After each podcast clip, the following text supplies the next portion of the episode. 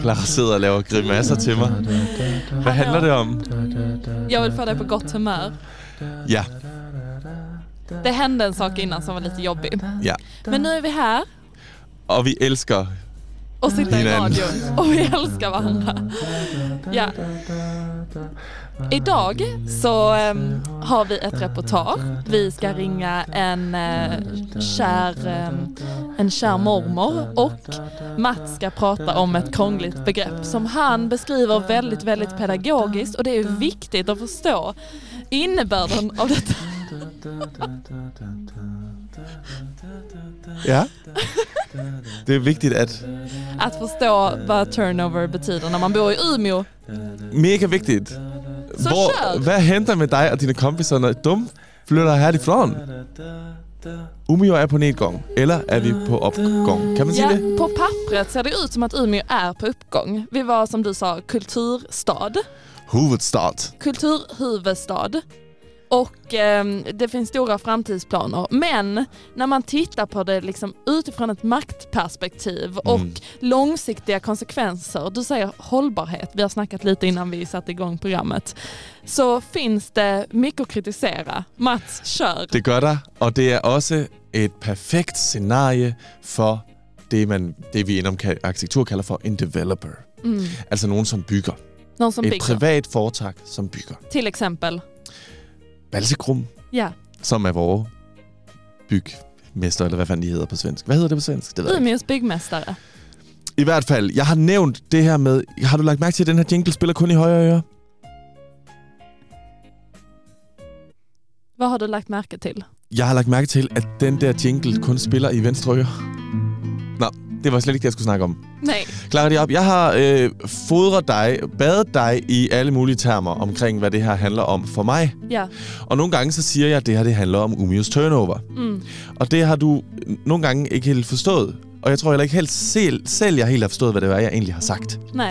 Men jeg har jo ligesom forsøgt at forklare, hvad det er, jeg mener. Men du har låtit väldigt självsäker när du har sagt det, så jag har ju trott på dig. Jo jo, men turnover er et begreb, som jeg har lånet fra økonomi. Mm.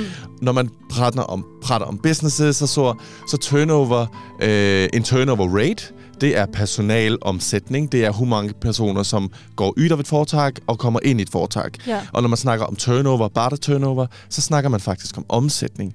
En økonomisk tilvækst, som under forandring Mm. kan læses som, altså, er den på opgang eller er den på nedgang? Ja, så det är överskott och underskott. Det er det nemlig. Kom, differencen mellem de to. Mm.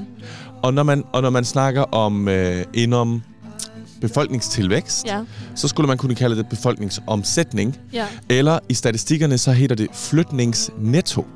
Flytt, flyttningsnetto. Flytningsnetto och hur er, ser det ut i Umeå?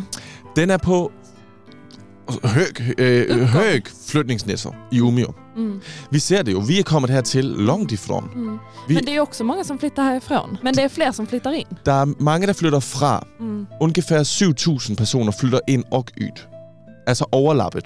Okej. Og sen findes der plusset, som er ungefær 1.500. Det er rigtig mange personer, som flytter ind og ud, men for det meste tilkommer der folk. Okej. Der har været en lille nedgang i 2006-2007, Mm. men sen er der bare kommet rigtig mange Det folk tog fart. Och Umeå. eh, liksom, när kommunen, vad gör kommunen? Kommunen har en ambition om, at det her skal fortsætte. De har, de har en ambition om, at der skal være 200.000 indvånere i Umeå 200 by 000. 2050. Ja. Og det tror jeg ikke er helt tilfældigt, at de har sat den ambition. Mm. Fordi vi ser, grunden til, at vi gør den her radioprogram, er, fordi vores hus skal rives. Det skal- Der skal gøres mere bosteder generelt i Umeå. Mm. Hele den konflikten er en helt anden grej. Fordi verdens toparkitekter, jeg var til en forelæsning med Pedro G. fra MAC i Lissabon. Ja. Han sagde, guys, we don't need to be building anymore at all. Ah. It's about distribution, not Ah. about building. Mm. Men det, når man holder på med leo, neoliberalistisk Mm. politik, så låter det inte bra det her med distribu- distribution. Till exempel att eh, eh, kvadratmeterna är anpassade efter hur många man är. Alltså att en person inte ska bo i en femma och tre personer i en tvåa. Eller?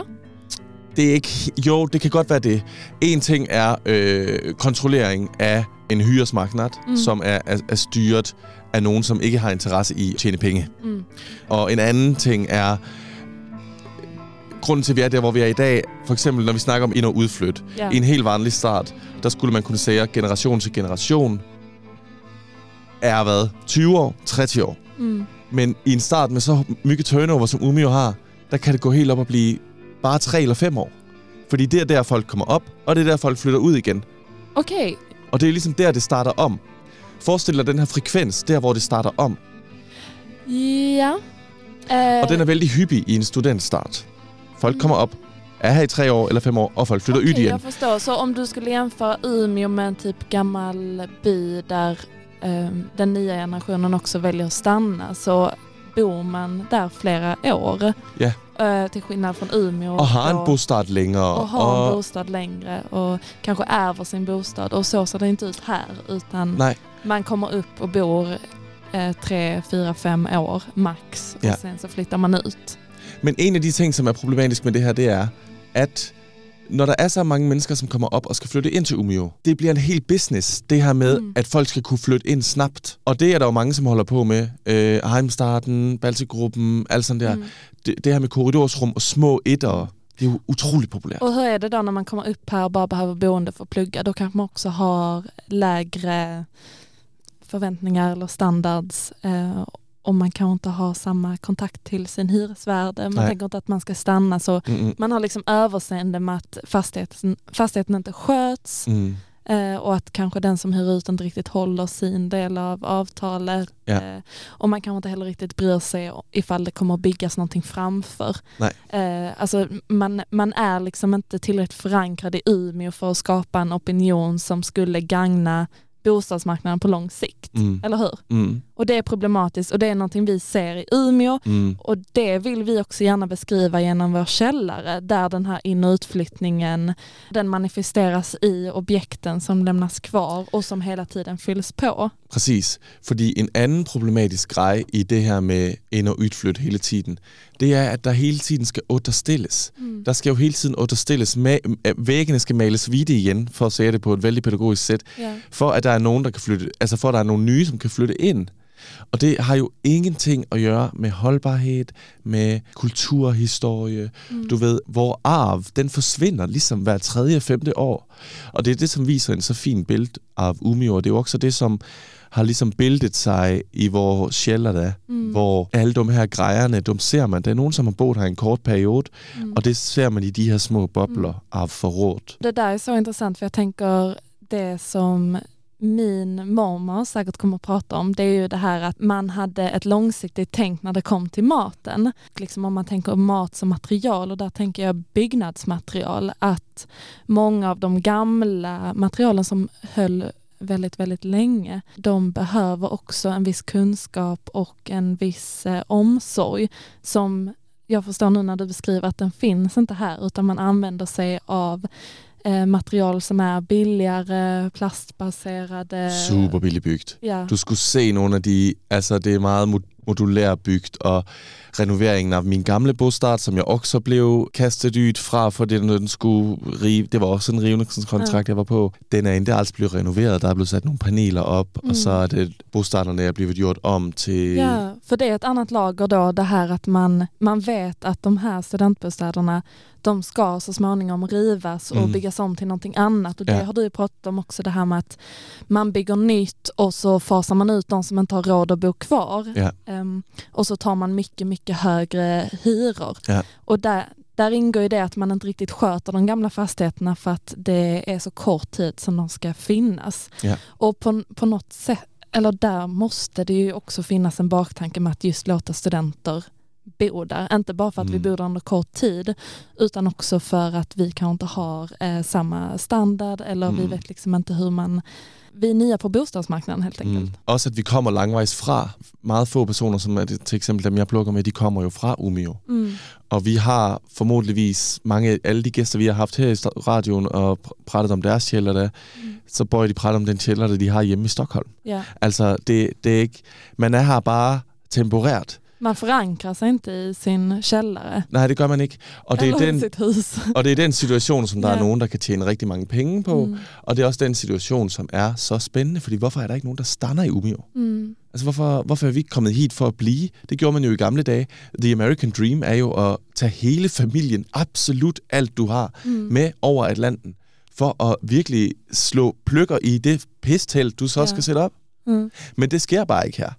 Og jeg tror, det er, det er nogle ting med globalisering, men det også nogle ting med neoliberalisme. Mm. At, og der er ligesom en masse, masse aktører, som spiller ind der. Mm. Også at universiteterne har haft øverindtag i mange, Mm. mange, mange år nu. Ja. Det er jo fordi, jo flere personer, der kommer op, jo flere penge kommer der i kassen. Ja, precis.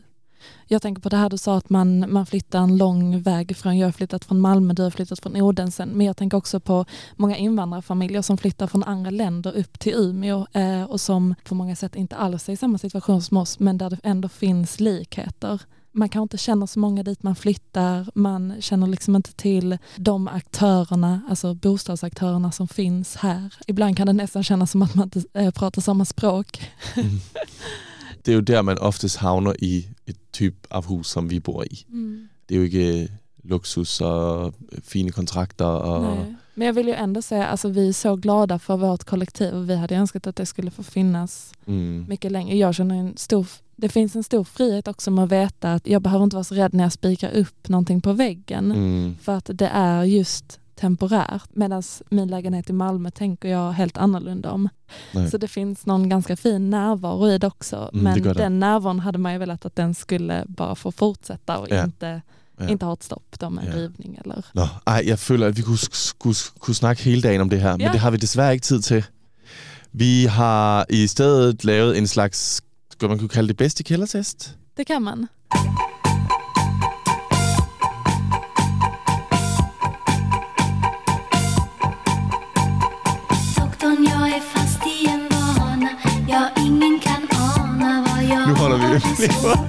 Du havde en gæst, vi havde en gæst sidste vecka. Hanna. Och vi bad ju henne ta med någonting från sin källare och då tog hon med ett recept på fläskpannkaka från boken Vår kokbok. Mhm. En gammal upplaga. Jag hittade den eh, 26 upplagan här på universitetsbiblioteket och när jag kom hem då hade vi redan en upplaga där hemma. Så det, det måste vara en populär bok. Det lyder som sådan en, alle har Mm. haft i sin familie, eller måske har fortsat. Ja. Ehm, så det är det. Vi bestämde oss för att laga den här fläskpannkakan jag och, och Mats. Mm. Och så här gick det. Og hvad er det, vi skal lave i dag? Idag ska vi göra ugnspannkaka från vår kokbok. Og hvor er det, vi er henne? Vilken sida? Nej, vi er i kyrket. Jaha. Men sidan är i alla fall 84 på den eh, 25 upplagan och Ja. den 26 upplagan. Ehm, om du öppnar kylen och plockar eh, Ja. ingredienser. Så råber du, hvad jeg skal tage ud. Ja. Eh, då ska vi ha 3 deciliter vetemjöl. Du kan ta det gemensamma. Eh, salt, där har vi den. Salt har vi derovre. 6 deciliter mjölk. Det ligger en på mitt fack också. Eh, tre ägg. Øh, er de ikke færdigkogte ham her, eller? Ja, de är färdigkokta men jag har vanliga också. De skal vel ikke være kogte? De skal vel være... Ja. Hvem frågar ens om de ska vara kvar? Det kan godt være, at de skulle, det kan godt være, de skulle scrambles, eller jeg ved, blendes, eller jeg ved ikke, hvad helvede.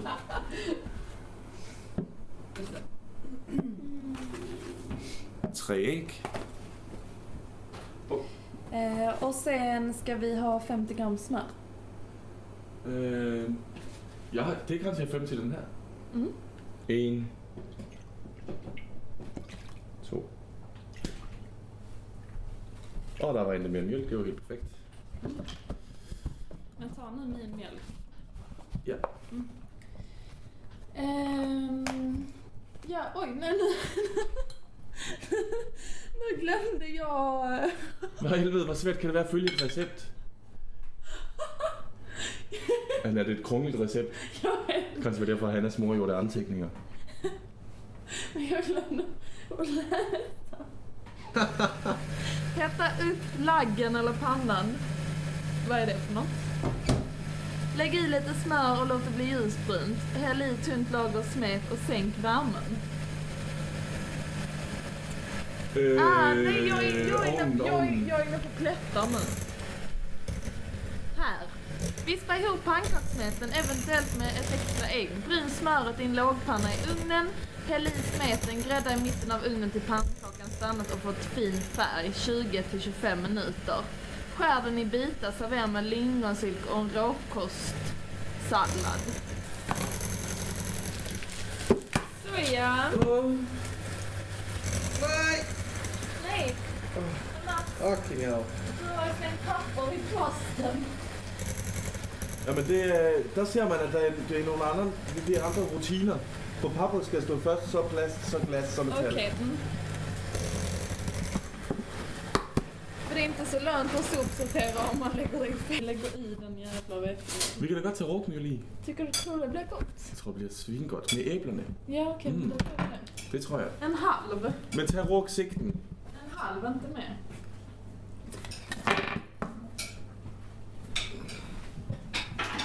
Jag läste i den här kokboken att rågsikt är grovt rågmjöl. Eller det ser ut som det i alla fall. Godt. Øh, næste steg i... Hvad hedder den igen? Flo, flungpan... Flex... Flæskpandkakker, eller ovnspandkakker. Ugnspannkaka utan fläsk verkar det som. Men det er vel en flæskpandkakker i ovnen, hva'? Ja, det är det. Godt. Så helt dum var man ikke. Hold da kæft, det ser godt ud det her, mand. Nå, Clara, jeg undrer med de æbler der. Au, for satan. Jag tror de ska på i slutet. Vi tror- nej, men vi, de ska vi dem nu.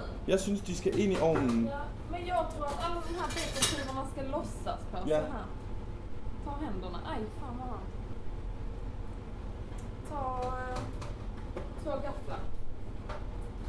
Nu står vi lige og filtrerer lidt bacon her. Ska se vem som är snabbast. Så här gör jag bara. Men det går bra för dig också.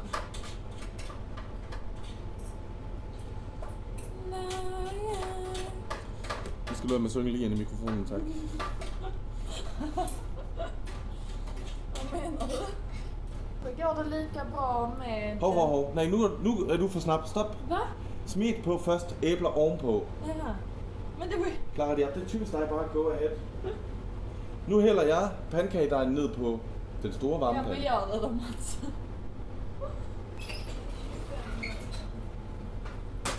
Jag läste en jättebra bok eh, av Sara Danius som heter Husmoderns död. Och där pra- Husk nu, Husmoderns död. husmorens død. Ja, och där pratar hon om, hon jämför olika kokböcker, eh, eller samma kokbok fast flera upplagor. Det finns ett exempel när hon tar av skinnet från en ål genom att använda sin plattång. Wow. Och typ så knäcker, knäcker nacken på djur och Aha. kokar upp blodet och den är väldigt kötslig. Och sen så ändras det under åren till att typ man inte pratar om döden, man pratar knappt om kroppen och saker, saker och ting kommer mer färdigt. Ja, men det samma- Ja, det har, Præfabrikats fremgang. så man kan tänka sig den första upplagan kanske det stod så här. Eh, gå över till grannen och köp, eh, köp bacon från deras gris. Eller jag- Slagt, slagt grannens gris. Slagt grannens gris skær ud biter. Nå, nu kolder vi pankakker. Oj, vad fin den ser ut. Är den klar? Den ser næsten bedre ud på, end på billedet. Nu stikker jeg lige en kniv i her. Ja, den er fandme klar, du. Då är det dags att äta.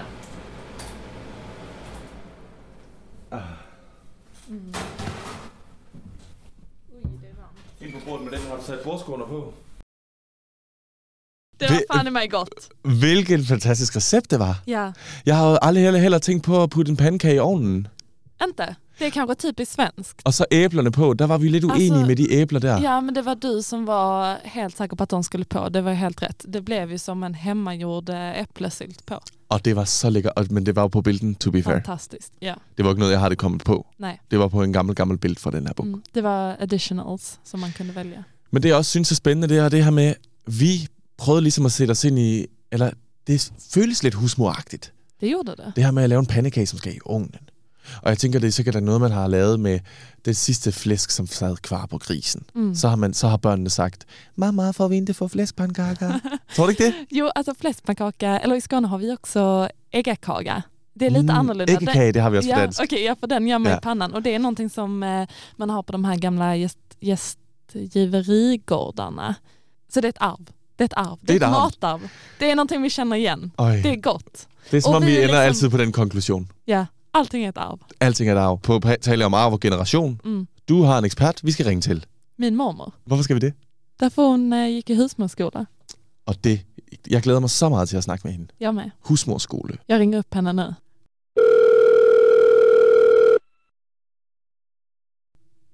Jag och Mats vi lagar ett fläskpannkakerecept och Mm. då använder vi oss av en kokbok som heter Vår kokbok.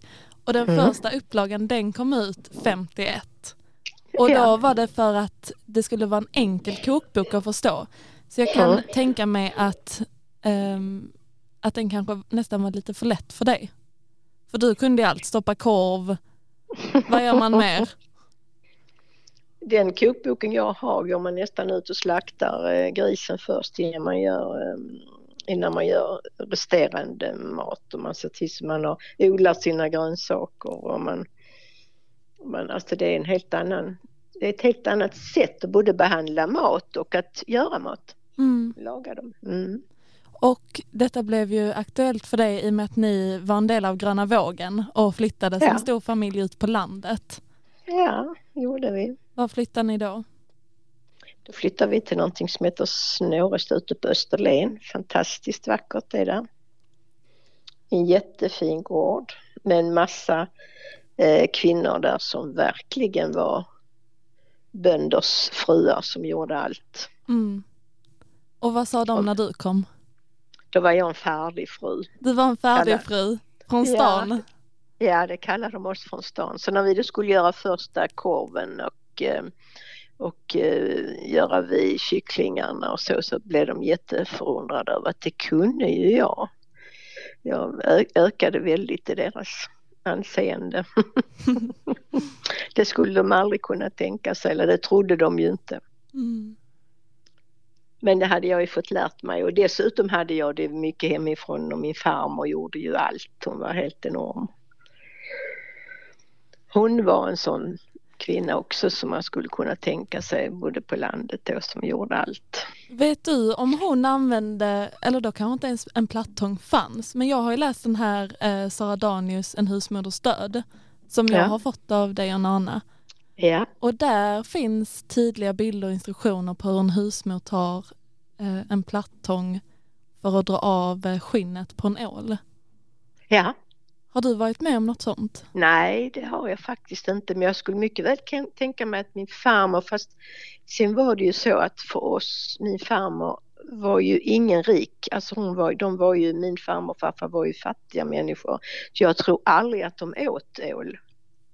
Inte ens till julen för det fick vi sen det fick vi sen hos min mormor och morfar till julen och de var ju lite högre upp och hade lite bättre. Mm. Och där kom för första gången i mitt liv fick jag eh, smaka ål. Mm. Men jag tror aldrig min farmor, men hon luade ju, alltså hon gjorde ju, avlutade sin, sin fisk hon, hon skulle ha till julen och hon la skinkan i blöt och hon, alltså hon gjorde allt det här som man, man ju också konserverade. Hon, jag menar det finns ingen människa som vet hur en konserveringsapparat ser ut idag, det hade hon i köket. Ja, nej, så vet inte jag hur den ser ut. Nej, Skulle du säga att eh, husmodern är död?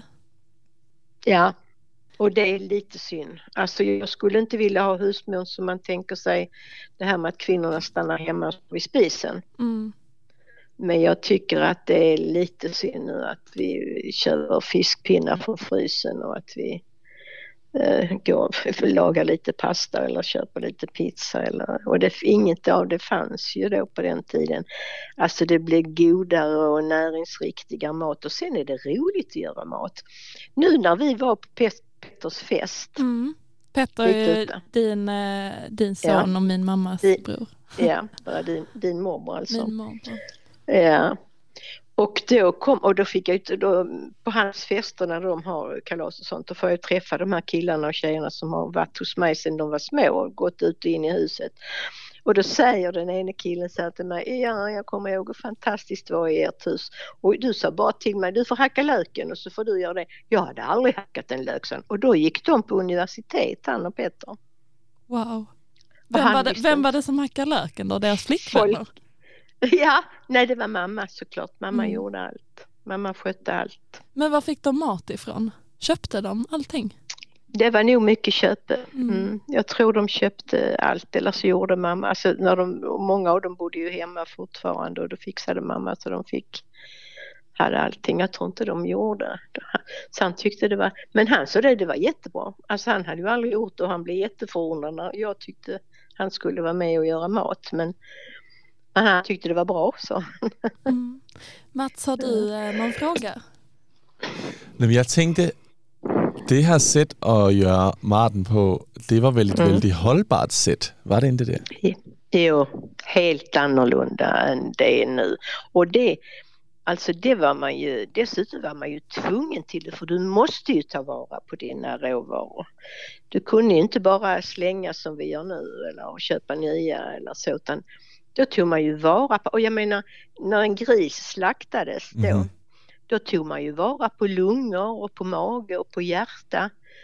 Jag kom så väl ihåg att de gjorde lungmos och stekte hjärta och hade mage i, i, som de blandade i grytor. Alltså man tog vara på allt. Och sen hade man ju stukor och sånt där man kunde bevara sina olika. Nu bor vi ju så tätt så vi har ingen, vi har inte ens ett skafferi numera ju. Mm. Där vi kan ha något. Husmorsskolan, hur lång tid var den? Den var ett år. Det var, jag gick i flickskola först. Jag skulle bli sån riktig. Jag vet inte varför. Jag var egentligen är jag inte. Jo, jag gillar mat men jag är ju inte riktigt typiska husmor på det viset.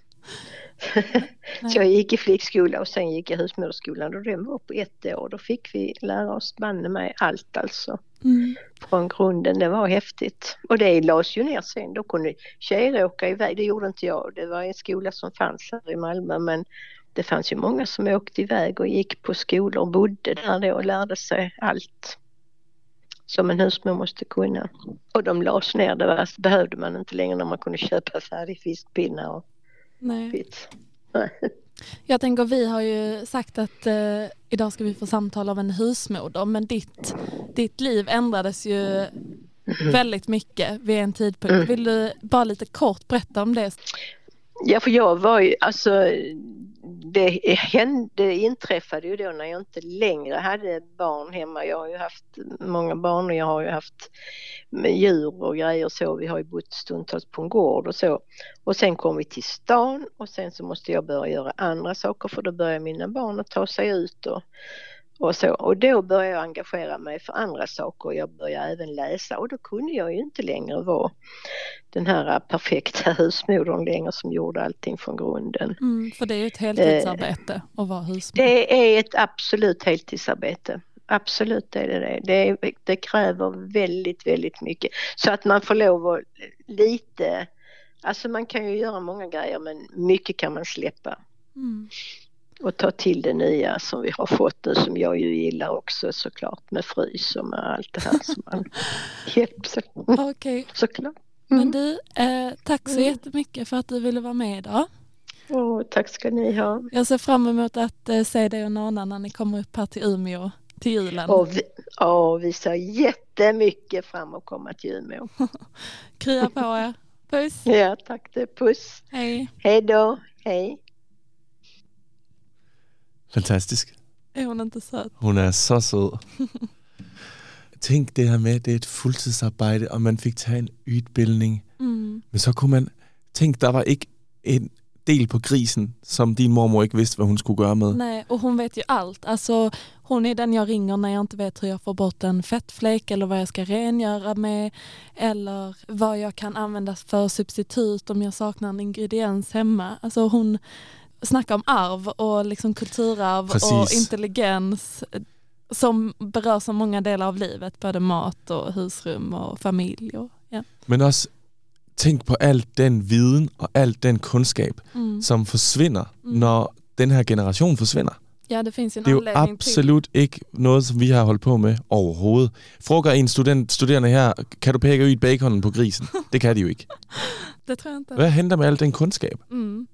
Man burde næsten bare konsekvent altså republicere Vår Cookbook oplæg 1. Mm. Det finns en upplaga. Det ska inte finnas fler menar du? Eller Jo, der du menar det- ta tillbaka den gamla? Jeg mener, tag tilbage version 1. mm, det är jättespännande. Sen var det jo rigtigt, hvad din mormor sagde med, der er jo det problematiske aspekt i, at det var altid kvinden, og hun var altid ved spisen. Mm. Ska vi säga det för idag? Lad os gøre det.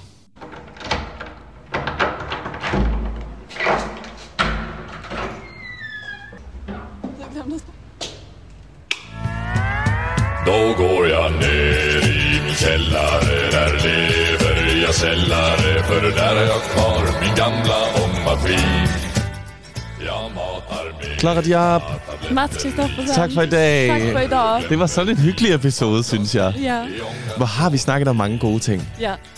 Altså, øh, hvor man kan lære så meget af at lytte på det her. Jeg sagde præcis til vores kollega, som sad ude for studien, da jeg kom ind, at det har blevet lidt nørdet, det her program. ja. Det er meget specifikt.